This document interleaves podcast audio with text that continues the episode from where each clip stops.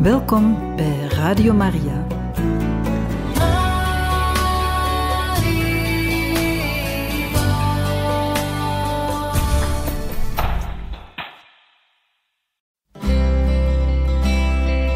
Welkom bij Boekat, een programma van Radio Maria.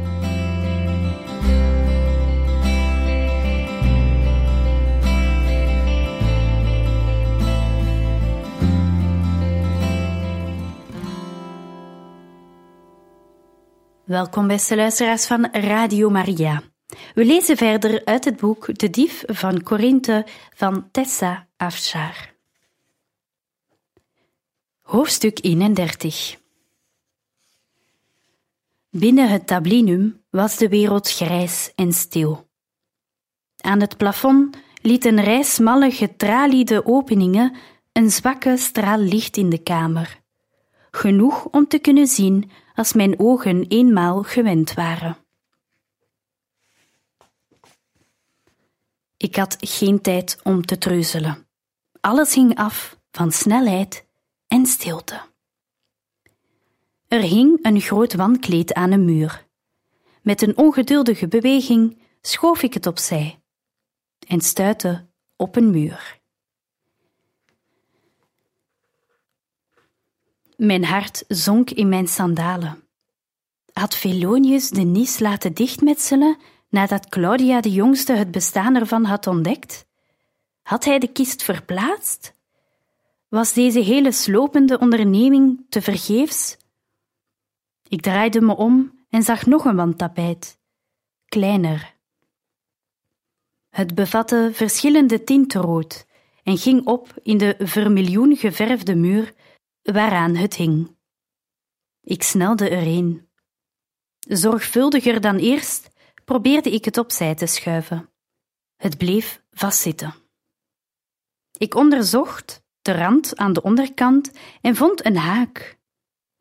Ik trok eraan en kon eindelijk het wandkleed opzij schuiven. Een zucht van verlichting ontsnapte me toen ik de opening zag die ik zocht. Ik stapte over de rand en trad binnen. Er was geen licht in de nis en ik bevond me in absolute duisternis. Ik schoof het wandtapijt opzij en zag een lamp. Velonius was zo attent geweest om een vuurstaal en vuursteen naast te leggen, op een marmeren blad. Zo snel als ik durfde, sloeg ik de vuursteen tegen het staal tot de pit vonkte. De kamer stroomde vol zwak geel licht, meer had ik niet nodig. Een kist. Een kleine kamer. Hoe moeilijk kon het zijn om hem te vinden? Lange, zweterige minuten verstreken en ik kon hem niet boven water krijgen. Ik keek op alle plekken die ik kon bedenken, maar zonder succes. Mijn ingewanden trokken pijnlijk samen. Ik zonk bovenop Velonius' tafel neer. Vader in de hemel, help me. Instinctief keek ik naar het plafond terwijl ik hem aanriep. En daar, in de hoek van het witte plafond, viel me een vage rechte lijn op, te recht om een willekeurige barst te zijn. Ik tilde de lamp boven mijn hoofd en keek er geconcentreerd naar. De lijn was fijn als een spinnenweb dat in de vorm van een vierkant is gespannen. Een valluik in het plafond. Ik zou het nooit gezien hebben als ik het niet had uitgeroepen tot God. Ik pakte de stoel die achter de tafel stond, klom er met gemak bovenop, ontraadselde hoe het luik werkte en trok het open. Weggestopt in een smalle ruimte stond de zwart-witte kist met de sierlijke robijn die fonkelde in het licht van mijn lamp. Binnen enkele ogenblikken had ik de kist gepakt en op tafel gezet. Ik had Claudia opdracht gegeven de mantel die ze me had geleend van de zoom tot de taille te voeren met een tweede laag stof, zodat er diepe zakken in zaten. Daar stopte ik de rollen in, zodanig verspreid dat ze geen bulten vormden. Toen het laatste document veilig weggestopt was, sloot ik het deksel van de kist, zette hem weer in zijn bergplaats en sloot zachtjes het valluik. Ik blies de lamp uit, keerde terug naar het tablinum en haakte het vuurrode wandtapijt op zijn plaats. Nu stond ik voor het gevaarlijkste deel van mijn plan. Ik moest het tablinum verlaten zonder te kunnen verifiëren of de kust veilig was, in het vertrouwen dat de bewaker, betoverd door Gara's charmes, nog met zijn rug naar me toe stond. Ik spitste mijn oren. Hoorde ik het geluid van ruisende stof of een ongeduldig schuifelen van voeten? Een aanwijzing dat hij terug was? Maar nee, ik hoorde niets. Tergend omzichtig deed ik de deur op een kiertje open. Het gordijn beperkte mijn gezichtsveld. Voor zover ik kon zien, was de bewaker niet aanwezig. Ik drukte me tegen de zijkant en bekeek mijn omgeving. De bewaker was niet van zijn discrete verstopplaats achter de zuil gekomen. Ik rende naar de toiletten en gaf Galatea een teken om te vertrekken. Ze zou in het rijtuig op ons wachten. Ik sloeg de mantel over mijn ene arm en schokte als iemand die juist van het privaat komt. Zodra Gara mij zag, stopte ze met spelen. Ariadne! riep ze uit en zette de kitara opzij. Ik trok een grimas. Neem me niet kwalijk dat ik stoor. Ik kan echt niet blijven. Ik moet naar huis. Natuurlijk, zei Gara, terwijl ze naar me toe kwam. Je ziet er heel ziek uit. We hadden eerder moeten vertrekken. Ze keek Justus aan. Blijven jullie gerust als jullie willen. Ze keerde zich naar Dionysius. Ik breng Ariadne naar huis, in het rijtuig. Jullie kunnen lopend naar huis, als jullie willen. Ze was geweldig. Zelfs ik was overtuigd van haar gerechtvaardigde verbolgenheid. Dionysius kleurde en sprong op. Zeker, Gara, we zullen meteen vertrekken. Ik zal jullie schoenen halen. Felonius keek als een kind dat van zijn lievelingsdier wordt beroofd. Gara, waarom blijven jij en de mannen niet? stelde ik met zwakke stem voor. Speel je lied uit. Misschien kan Claudia met me mee, zodat ik niet alleen hoef te gaan. Als we thuis zijn, sturen we het rijtuig onmiddellijk terug om jullie te halen. Ik? zei Claudia, alsof ze een beker vol zure melk had gedronken. Felonius greep de kans die hem geboden werd. Absoluut, mijn vrouw zal je naar huis begeleiden. Gara en de rest kunnen in mijn persoonlijke rijtuig naar huis. Claudia, wellicht kun je dan naar huis komen. Tijd voor de terugtocht. Ik hief de mantel op die ik over mijn arm had gevouwen. Mijn verontschuldigingen, Claudia. Ik vrees dat ik je mantel heb bevuild. Ik zal hem teruggeven als hij schoongemaakt is. Claudia kwam naar me toe. Bij de goden, houd dat ding, alsjeblieft. Ze wendde zich tot haar man. Wens je dat ik vertrek met. met dat? Het was onmogelijk te zeggen of ze naar de mantel wees of naar mij. Natuurlijk, natuurlijk, ga maar. Ariadne heeft het moeilijk. We moeten haar niet langer ophouden. Tegen de tijd dat we in het rijtuig zaten, had Gara de kitara weer opgenomen. Vaarwel, geliefde, ik zal je niet meer zien, zong ze met haar volle stem. In het rijtuig overhandigde ik Claudia de mantel. Dit is van jou. Trillend nam ze het kledingstuk aan. Geloof het pas als ik die brieven in mijn handen heb. Het was te donker in het rijtuig om te kunnen lezen. Wil je naar het huis van je vader? Je bent welkom bij ons thuis. Of als je ze liever leest op een voor Felonius onbekende plek, dan kan ik je naar een veilige plek brengen, bij vrienden. Laten we om te beginnen naar jouw huis gaan. Als dat wat ik zoek er niet is, kan ik naar hem teruggaan zonder dat hij weet dat er iets mis is. Ik gaf de koetsier aanwijzingen. Net als Claudia kon ik niet rusten voordat we de documenten die ik uit Felonius Tablinum had gesmokkeld konden bekijken. Straks zaten we met een stapel rollen waarin slechts het eigenaarschap van zijn villa en slaven was vastgelegd. Zodra we bij ons thuis waren aangekomen, stuurde ik het huurrijtuig weg en trok Claudia mee naar vader Stablinum. Ik schoof de grendel voor de deur. Ik had even tijd nodig om enkele lampen aan te steken. Claudia had de rollen papyrus op vaders tafel uitgespreid en zat ze met bevende handen door te nemen. Ze had negen of tien documenten uitgerold en achteloos op de grond gegooid, voordat we eindelijk vonden wat we zochten.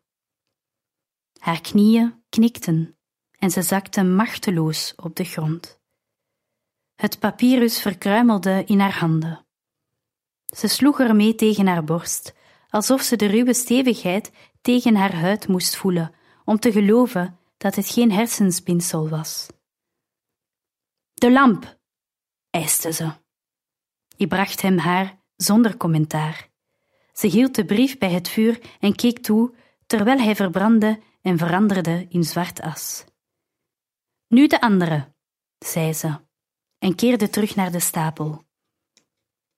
De tweede brief had ze sneller gevonden en verbrandde ze met minder emotie. Ben je nu vrij? vroeg ik. Haar ogen schitterden. Ik ben vrij van dat ongedierte. Tot mijn opluchting herinnerde ze zich haar belofte en stak een hand uit naar de stapel. Kom, pak de brief die je hebben wilt. Na een paar pogingen vond ik Papirius document en stopte het onder een kussen op vaders stoel. Ik had nog iets uit te vechten met die man maar mijn kans om te winnen was verbeterd. Waarom heb je niet gewoon genomen wat je wilde? zei Claudia. Toen je de inhoud van die kist in je bezit had, had je kunnen pakken wat je wilde. Je had de hele kist kunnen meenemen en ik zou jou niet hebben kunnen tegenhouden. Ik ben geen dief. De vorige keer dat ik dat beweerde, had ik mezelf iets wijsgemaakt. Dit keer was het waarheid. Als Felonius vrouw heb jij recht op die rollen. Je hebt genomen wat van jou was, zoals de sieraden die je draagt. Jij mocht ze weggeven, maar ik mocht ze niet nemen. Claudia staarde naar haar handen, zwaar van kostbare stenen en goud.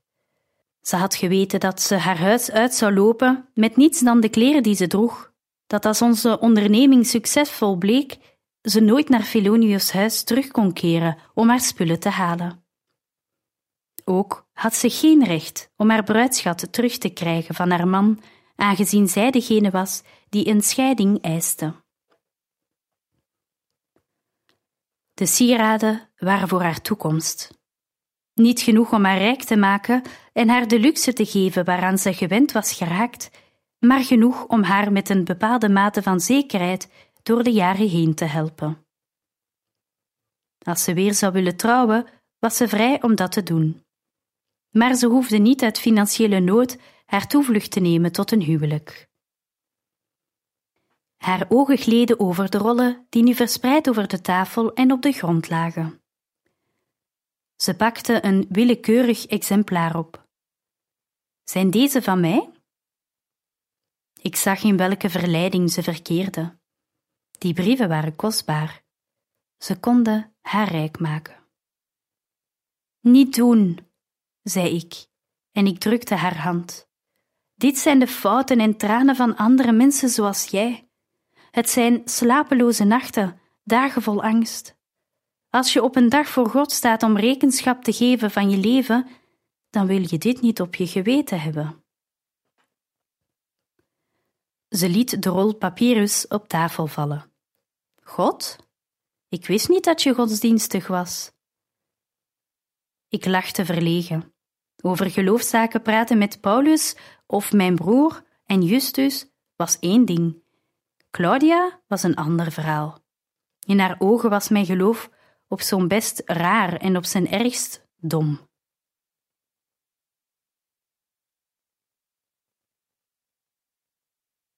Ik geloof in een God die onze zonde niet licht opneemt. Ook neemt Hij de zonde die anderen ons hebben aangedaan ernstig. Die God heeft me jou te hulp gestuurd, Claudia. Nu heb jij de macht om die anderen te bevrijden. Hoe? Ik zal hun brieven terugbrengen, zoals ik met de jouwe heb gedaan. Ze nam een rol van de berg op de vloer en woog hem in haar hand. De tijd vertraagde terwijl ze nadacht over haar toekomst en de toekomst van de tientallen mensen die aan haar voeten lagen. Neem ze, zei ze.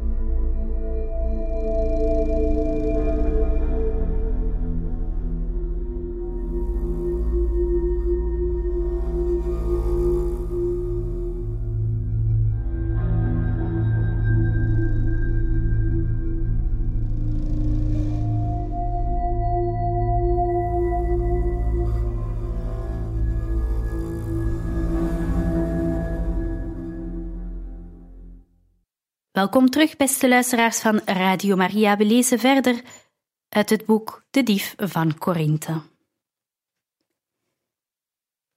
Ik wreef met de muis van mijn hand in mijn ogen, immens opgelucht.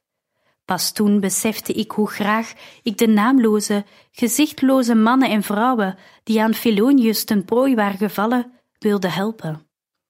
Dank je wel. We zwegen een tijd lang om bij te komen en onze door de opluchting bedwelmde gedachten weer enigszins op een rijtje te krijgen. Waar ga je naartoe, Claudia? Felonius zal je stellig komen zoeken. Ben je veilig in de villa van je vader? Hij kan me nu niets meer aandoen. Ik ken iemand die je voor een paar weken een veilige schuilplaats kan verschaffen daar zal Felonius je nooit vinden. Dat geeft je tijd om je zaken te regelen, zonder dat je last hebt van de onaangename dreigementen van je echtgenoot. Ik moet je wel waarschuwen. Het is een comfortabele woning, maar hij biedt niets van de luxe waaraan je gewend bent geraakt. Het is het huis van een echtpaar dat in lederwaren doet. Ze maken tenten en zo. Eerbaar werk, maar eenvoudig. Ze dacht even na. Dat wil ik wel. De violette ogen bleven op me rusten. Je bent goed voor me geweest. Waarom? Ik zocht naar woorden die uitdrukten wat ik voelde zonder bevoogdend te klinken. Ik zag jou. Ik zag jou. Haar glimlach wankelde. Zullen je vrienden verbaasd zijn als ik voor de deur sta? Nee, ik heb hun al een bezoek gebracht en gesproken over mijn plan. Ze weten dat je misschien naar hen toe zou willen en ze zullen alles doen wat in hun vermogen ligt om je een hartelijk welkom en een veilige schuilplaats te bieden. Claudia verraste me volkomen toen ze me omhelsde. Het was de ware omhelzing van een vriendin, vol genegenheid en vertrouwen. Ze was zachter geworden in de maanden dat Felonius haar in zijn macht had gehad. Ze was menselijker dan ze ooit was geweest voordat ze had geleden onder zijn hand. Zelfs dit kwaad kon God kennelijk gebruiken bij het werken in ons hart. Kort na Claudia's vertrek, arriveerde het rijtuig met Gara en de mannen. Afgemat stapte het meisje onze binnenplaats op. De uren onder druk waren slopend voor haar geweest. Ik kuste haar op de wangen. God zegene je, zei ik. Je hebt ons geholpen veel mensen te redden. Ik sta voor altijd bij je in de krijt. Je bent me niets verschuldigd. Ze glimlachte stralend. Ik deed het voor mijn Heer en het was niet veel om aan zijn voeten te leggen. Heb je gevonden wat je hebben moest, schat? vroeg Justus. Alles is in orde. Claudia is op weg naar Priscilla en Aquila. Dionysius schraapte zijn keel. Ik zal je naar huis brengen, Gara. Uitstekend idee, zei Justus. Neem mijn strijdwagen, Dionysius. Dionysius' ogen straalden van enthousiasme. Er was geen jonge man in heel Grecia die het aanbod van Justus' snelle strijdwagen kon weerstaan. Toen mijn broer met Gara naar buiten liep, gingen Justus en ik naar vader Stablinum om de rollen die ik daar had achtergelaten te verzamelen. Justus nam me in zijn armen. Laat maar even liggen, zei hij schor. Hij nam mijn gezicht in zijn handen.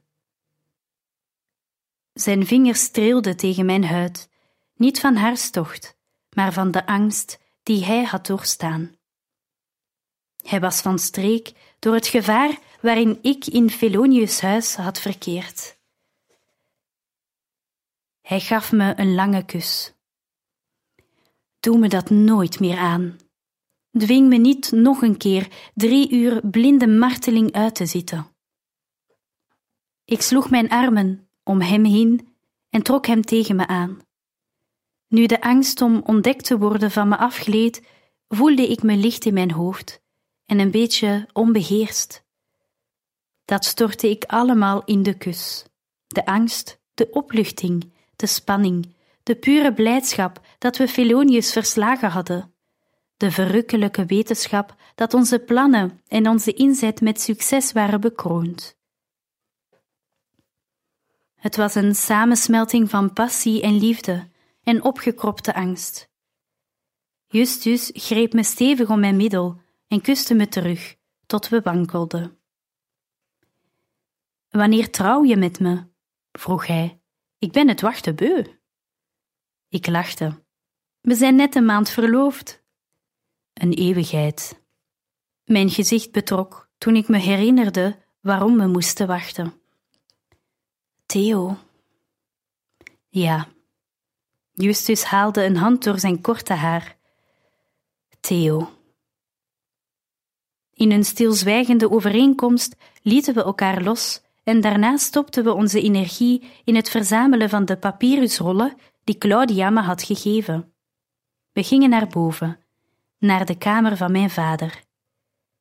Hij was wakker en hoewel Galatea hem het nieuws van ons succes al had verteld, verlangde hij gretig naar meer bijzonderheden. We hadden een deel van onze plannen aan Galatea onthuld, zodat ze op de hoogte was van onze wens om Claudia te helpen. Maar ze wist niet dat we Felonius' documenten zelf ook nodig hadden. Ik beschreef de gebeurtenissen van de avond en vertelde hoe ik de kist verstopt in het plafond had gevonden. Hoe lang hebben we nog voordat we Felonius aan de deur kunnen verwachten? vroeg vader toen ik alles verteld had. Ik geef hem een uur. Justus liet zijn vingers kraken. Ik zwaaide met de brief die Claudia had achtergelaten voor haar man. Ik hoop dat ik hem hiermee weg kan sturen. Zullen we? Vader maakte een armgebaar naar de berg papyrusrollen op zijn bed. Eerst gaf ik hem de brief waarin Papirius' schuld werd bewezen. Hij floot toen hij hem uit had en legde hem opzij. Ik nestelde me naast hem op het bed, voorzichtig dat ik niet tegen zijn gebroken been stootte. Je zult zien dat er in elke brief een extra vel opgerold zit, met data en bedragen. Volgens het inlegvel van Papirius heeft hij Felonius in de afgelopen twaalf maanden een fortuin betaald. Geen wonder dat hij wanhopig graag het belastende bewijs terug wil hebben. We lazen de brieven, niet omdat we de beschamende geheimen van die mensen wilden kennen, maar omdat we de identiteit van de eigenaren te weten moesten komen om hun de documenten terug te geven en ze voor het gerecht te brengen als dat nodig was. De bedragen toonden aan dat honderdduizenden sestertien in Felonius' zakken waren gevloeid. Hij had zijn slachtoffers uitgeperst tot op het bot. Hoe heeft hij zulke persoonlijke correspondentie en documentatie in handen gekregen? verzuchtte ik verbijsterd. Justus haalde zijn schouders op. Ontevreden slaven en oneerlijke bedienden kun je omkopen. Zelfs eerlijke mannen en vrouwen kunnen onder druk dingen doen waar ze een afkeer van hebben. Dit weten we van Felonius. Hij is een beul en hij weet hoe hij mensen angst kan inboezemen. Er waren brieven bij van getrouwde vrouwen aan hun minnaars. Eén document bewees dat de man die zich voordeed als bevrijde slaaf volgens de wet nog een slaaf was. Er was een bekentenis bij van een vrouw die haar zwangerschap had afgebroken omdat ze haar figuur niet wilde kwijtraken en daarover gelogen had tegen haar man. Een testament bewees dat het eigendomsrecht van een boerderij in verkeerde handen was gevallen. In een brief van een beambte stond bijtende kritiek op de keizer Claudius. Iedereen zei wel eens iets over de keizer, maar als je zo dom was om je klachten op te schrijven, kon je gekruisigd worden wegens verraad. Er waren veel saaie juridische documenten die voor de eigenaren het verschil tussen armoede en rijkdom betekenden. We namen ieder verschillende rollen door en noteerden de naam van de betreffende persoon in een hoek als we hem te weten kwamen. Ineens richtte vader zich op tegen de kussens en zijn adem stokte. Het was of hij dreigde te stikken. Ik draaide mijn hoofd met een ruk naar hem toe. Hij was witter geworden dan de toga van een senator. Wat is er? vroeg ik bang dat hij ziek was. Hij schudde zijn hoofd.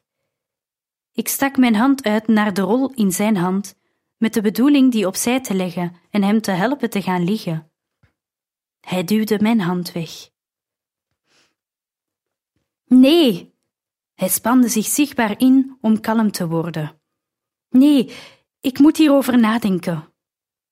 Wat heb je gelezen? Voordat vader kon antwoorden, werd er beneden luid op de deur gebonkt. Felonius had zoals altijd een beroerd tijdstip uitgekozen.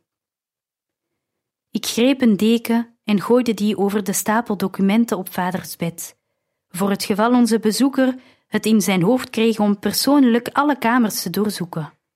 Ik stoof de trap af met Justus achter me aan als een geruststellend schild in mijn rug.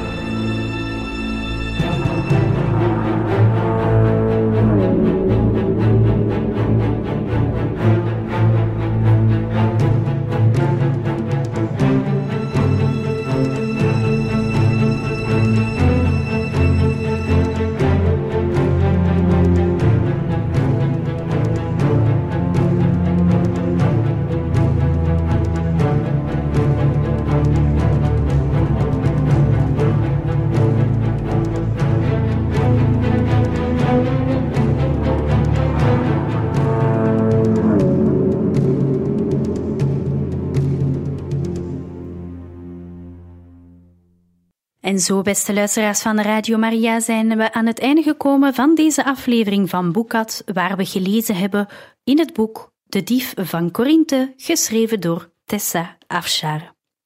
In een volgende aflevering zullen we verder lezen uit het voorlaatste hoofdstuk van dit boek. We zijn dan aangekomen aan hoofdstuk 32. Tot dan.